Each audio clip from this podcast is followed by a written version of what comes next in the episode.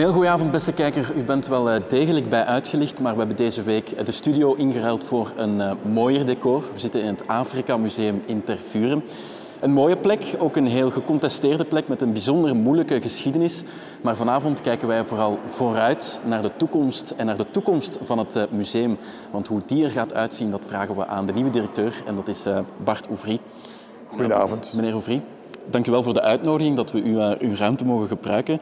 Een uh, dikke week bent u ondertussen bezig. Um, nog niet verdwaald in het museum, want er zijn heel veel kleine kamertjes en het is een heel groot gebouw. Ik ben af en toe de weg verloren. Ja. Maar er zijn uh, veel mensen die mij de weg tonen. Ja, oké. Okay. U heeft er een lange carrière op zitten als diplomaat in Afrika, voornamelijk voor de Europese Unie. Um, hoe anders is deze job eigenlijk? Wat heeft u daar al van, van opgestoken de afgelopen week? Uh, er zijn veel gelijkenissen, want we gaan samenwerken. We werken samen met Afrika. Dus, uh, dus wetenschappelijke samenwerking, het is culturele samenwerking.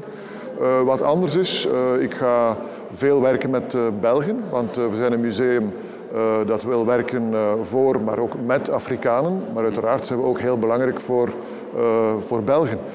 we ontvangen heel veel scholen en we helpen eigenlijk niet alleen ja, voornamelijk Belgen, maar ook mensen van de diaspora, ja. om uh, een geschiedenis te leren kennen. Koloniale geschiedenis, maar het gaat uh, verder. Het is ook de, de, de, geschiedenis van Afrika. En die begint wel uh, veel langer voor de koloniale tijd. En ik kan nu als directeur misschien ook misschien al sneller uw eigen gedacht zeggen. Terwijl als diplomaat moet u dat misschien vaker voor uzelf houden.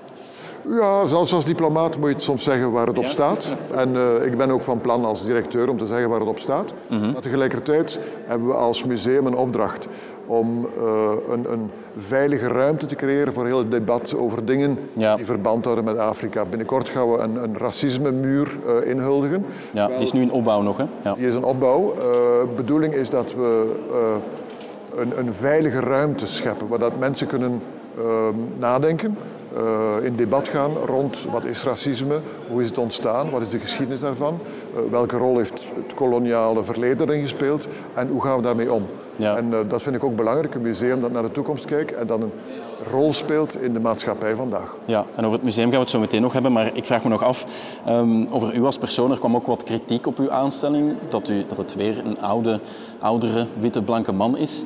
Um, u bent ook al 62 jaar, ziet u zichzelf eigenlijk als een soort van overgangsfiguur? Zal nog één mandaat doen van vijf jaar, neem ik aan? En dan, uh... ik, ik, heb een mandaat van zes jaar. Ik, uh, ik ben vast van plan om dat uit te doen, als, het, uh, als ik de gezondheid heb. En moet de volgende directeur dan iemand zijn van die Afrikaanse gemeenschap? Um, onze rol is in de eerste plaats om mensen uit de diaspora om die op te leiden. we hebben ongeveer 60 uh, mensen vanuit Afrika of vanuit de diaspora die hier doctoreren, die hier opgeleid worden. Mm -hmm. uh, dat vind ik heel belangrijk. En op een bepaald moment zullen die generaties zullen die inderdaad klaarstaan om de leiding van dit museum op te nemen. Maar dat zou wel uw wens zijn, dat het de volgende directeur iemand wordt van die Afrikaanse gemeenschap van de diaspora? Het zou betekenen dat we als museum onze rol hebben gespeeld om toekomstige generaties uit de diaspora op te leiden voor zo'n functies. Mm -hmm. Oké. Okay. Als we het dan hebben over het museum zelf, Um, als ik hier doorloop, wat mij heel hard opvalt, er zijn um, heel veel dieren, opgezette dieren. Het gaat over Afrika, de, grondstoffen, mineralen, dat soort dingen krijg je hier te zien. Maar eigenlijk het koloniale verleden, dat zit dan een beetje weggestopt in één vleugel. Dat is de minderheid van het museum. Moet dat eigenlijk niet omgekeerd? Moet het niet in de eerste plaats een museum worden over dat koloniale verleden? Dat is een debat. Uh, wij willen een museum zijn dat uh, um, samenwerkt met wat wij ook doen als wetenschappelijke instelling. En als wetenschappelijke instelling hebben wij biologen die bijvoorbeeld werken rond klimaatwijziging. Uh, het, het, regenwoud in, in, in Congo, in, in, in, en dat overschrijdt trouwens de Congolese grenzen, speelt een heel belangrijke rol uh, in uh, het controleren van die klimaatwijziging. Mm -hmm. Dus ik vind dat voor onze maatschappij vandaag belangrijk en dat is ook voor de Afrikanen heel belangrijk. Ja. Dus in die zin denk ik, koloniale geschiedenis ja, we willen daar een rol in spelen. Uh, maar we kunnen Afrika niet reduceren tot dat koloniaal verleden. Afrikanen vinden het heel belangrijk om vooruit te kijken. Ja, en komt het hier genoeg aan bod, vindt u, dat koloniale verleden? Want als we bijvoorbeeld naar die, naar die olifant uh, daar achter u kijken, um, ja, daar is ook een koloniaal verhaal rond te vertellen. Die is, dan, die is dan geschoten voor de expo van 58. Maar goed, heel veel duiding krijg je daar niet bij. Hè? Als je daar dan naar staat te kijken, komt dat genoeg naar de voorgrond? In dit museum, dat koloniale verleden? Een museum moet evalueren met zijn tijd. Mm -hmm. En het museum, zoals we dat uh, toen herdacht hebben tijdens de renovatie, ja. uh, dus ondertussen vijf jaar geleden, eigenlijk zijn we daarmee begonnen, 15 tot 20 jaar geleden. Vandaag zouden we het waarschijnlijk anders doen. En wat zou u dan anders doen als u zegt uh, na die renovatie? Want er is ook wel wat kritiek op gekomen toen inderdaad dat dat koloniale verhaal niet genoeg verweven zit in de hele collectie. Vindt u dan toch dat dat beter moet? Uh, ik ga er zeker naar kijken, maar ik ben nog maar een week bezig. Ik heb het museum nog niet eens helemaal bezocht. Uh, dus uh, we zijn daarmee bezig. Maar hoe we dat doen, je kunt dat doen door de permanente collectie te, te, aan te passen, te vernieuwen. Je kunt dat ook doen met tijdelijke tentoonstellingen of bijvoorbeeld met pop-up tentoonstellingen. Dat zijn we vast van plan om bijvoorbeeld met Afrikanen te werken rond fotografie. En voor mij is het echt heel belangrijk, en dat willen de Afrikanen in Afrika ook zien, kijken naar de hele dynamiek van Afrika vandaag. Heel die stedelijke cultuur, de sapeur bijvoorbeeld, die mensen die werken rond mode, die dat op een heel creatieve manier doen. De hedendaagse Afrikaanse kunstenaars, die willen we hier ook binnenbrengen. Niet alleen kijken naar dat koloniaal verleden, dat is heel belangrijk. Uh, dat is ook de reden waarom veel mensen komen. Ja. Laten we ook gebruik maken om Afrika te tonen in al zijn pracht en al zijn creativiteit. Uh, dat wil ik niet vergeten. Ja, want u zei al wel eens van ja, die dekolonisatie die moet ook vooral in de hoofden gebeuren. Maar ik vraag me dan af, ja, als dat in de hoofden van mensen moet gebeuren, dan moet er ook wel eerst iets gebeuren, misschien aan het museum. Want u zegt van veel mensen komen om dat koloniale verleden, om daar iets meer over te weten. Maar ik denk dat heel veel mensen ook wel een beetje op hun honger blijven zitten als ze hier rondlopen. Dat gaan we bevragen. We gaan tijdens de komende maanden gaan we echt heel grondig een enquête organiseren om te weten wat, hoe, wat komt hieruit. Ah ja, oké. Bij bezoekers die dan binnenkomen? Omdat je kan moeilijk beginnen hervormen als je niet weet wat jouw bezoekers uh, echt denken over... Uh, uh, we weten dat natuurlijk via de gidsen en zo. Ehm, ik stel vast dat we een heel divers publiek hebben. En ik wil dat divers publiek niet reduceren tot een kleine groep. Nee, tuurlijk. Ik wil, ik wil een museum zijn voor en met de diaspora. Maar ik wil ook een museum zijn waar families kunnen komen tijdens het weekend en kinderen graag meekomen met hun ouders. Ja. En dus die geschiedenis is belangrijk. Misschien gaan we dat herbekijken, ook actualiseren. Er is veel gebeurd. Uh, er is uh, Black Lives Matter. Uh, er, is, er is een heel, heel, uh, heleboel veranderd sindsdien. Dus dat moeten we opnemen in de permanente collectie. Hoe we dat doen, zijn we aan het bekijken. maar ik wil geen museum zijn voor één bepaalde groep. Ik wil nee, een museum zijn ook voor de families. Ja. ja. Er was ook de Congo-commissie die het koloniale verleden moest onderzoeken, binnen de politiek dan draaide een beetje op een sisser uit, omdat er uh, ja, geen politieke consensus werd gevonden over die 127 aanbevelingen. Nu, enkele gingen ook over het Afrika Museum, bijvoorbeeld gratis toegang voor Congolezen, Burundezen, Rwandezen. Is dat iets waar u aan denkt om dat in te voeren? Um, dat moet je bekijken natuurlijk met uh, onze boekhouding. Uh, daar is nog geen beslissing over. Ik denk dat veel van die aanbevelingen van de Congo-commissie uh, er was eigenlijk weinig controverse rond. Het waren enkele aanbevelingen. Ja, dus wij zijn alle aanbevelingen die uh, verband houden met uh, het, ons museum en waarover er een brede consensus bestond, die zijn we aan het bekijken. Maar u zou het wel willen, die gratis toegang?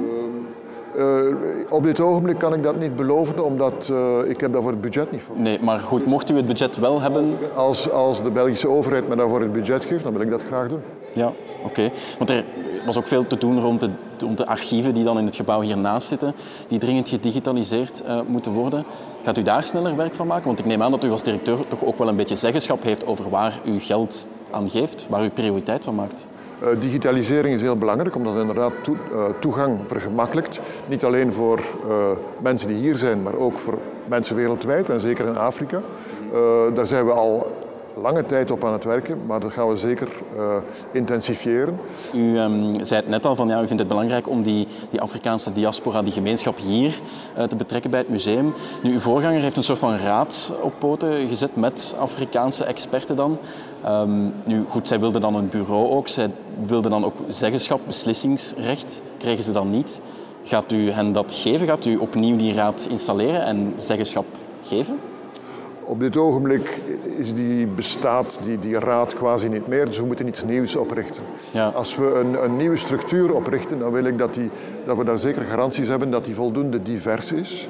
Uh, dat die de diaspora over heel het land vertegenwoordigt. Dat die ook geboren qua leeftijd dat die voldoende divers is. Dat er ook een zekere dynamiek in is. Dat we verschillende mensen hebben. Dat bijvoorbeeld mensen hebben die een mandaat opnemen, die dat na enige tijd overlaat aan iemand anders. Krijgen ze beslissingsrecht ook? Uh, beslissingsrecht, dat is niet zo eenvoudig als je het gaat over een museum. Uh, we zijn een federale instelling, daar gelden allerlei wetten en reglementen.